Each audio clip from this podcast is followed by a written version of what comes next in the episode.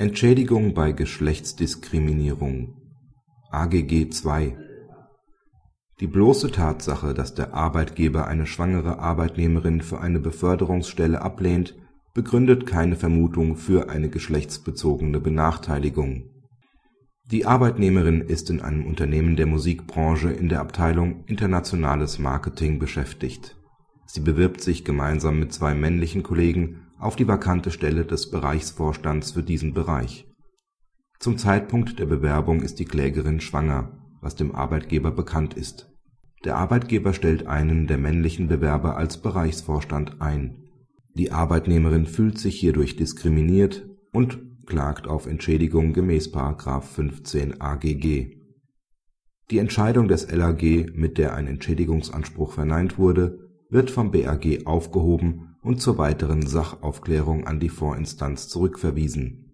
Mögliche Anspruchsgrundlage für einen Entschädigungsanspruch ist § 611a BGB alte Fassung. Das LAG hat insbesondere die Beweislastregelung in § 611a Absatz 1 Satz 3 BGB alte Fassung fehlerhaft angewandt.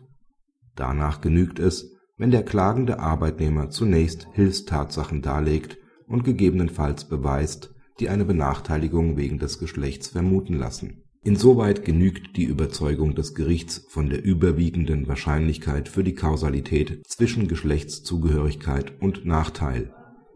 Ist eine Diskriminierung überwiegend wahrscheinlich, muss der Arbeitgeber den vollen Beweis führen, dass die vorgenommene Differenzierung rechtlich zulässig ist. Die Vorschrift führt nicht zu einer Änderung der Beweislastverteilung sondern sie senkt lediglich das Maß der Darlegungs und Beweislast des Arbeitnehmers. Die Frage, ob der Arbeitnehmer hinreichende Tatsachen für die Auslösung der Vermutungswirkung vorgetragen hat, unterliegt der freien Überzeugung des Tatsachengerichts nach § 286 Absatz 1 ZPO. Bei der Anwendung dieser Vorschrift sind dem LAG Rechtsfehler unterlaufen. Das LAG hat seine Entscheidung lediglich damit begründet dass die Kenntnis des Arbeitgebers von der Schwangerschaft eine hinreichende Vermutungswirkung für eine Diskriminierung nicht begründen könne. Es hat allerdings andere von der Arbeitnehmerin vorgetragene Umstände außer Betracht gelassen, die geeignet sein können, im Rahmen einer Gesamtbetrachtung eine Vermutungswirkung zu begründen. Das gilt insbesondere für die etwaige Aussage des Vorgesetzten der Arbeitnehmerin, man würde der Arbeitnehmerin, anders als üblich nach der Rückkehr von der Entbindung keine geringerwertigen Arbeiten zuweisen und sie solle sich im Übrigen auf ihr Kind freuen. Auch die Behauptung der Arbeitnehmerin, dass ihr der bisherige Bereichsleiter erklärt habe, sie solle seine Nachfolgerin werden und der Arbeitgeber seine Entscheidung mit Proportsgesichtspunkten begründet, hat das LAG nicht gewürdigt. Diese erforderliche Gesamtschau möglicher Vermutungstatsachen wird das LAG nachzuholen haben Praxishinweis Auch wenn die der Redaktion erst kürzlich zugegangene Entscheidung noch zu der mittlerweile außer Kraft getretenen Vorschrift des § 611a BGB ergangen ist, lässt sie sich in jeder Hinsicht auf die heutige Rechtslage übertragen.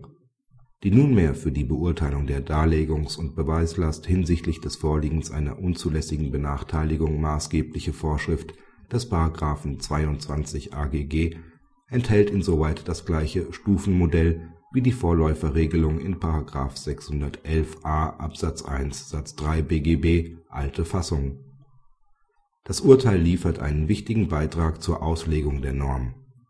Insbesondere wird damit klargestellt, dass das bloße unstreitige Vorliegen eines bestimmten Diskriminierungsmerkmals in Verbindung mit einer ablehnenden Entscheidung des Arbeitgebers nicht dazu führt das den Arbeitgeber die volle Beweislast gemäß § 22 AGG trifft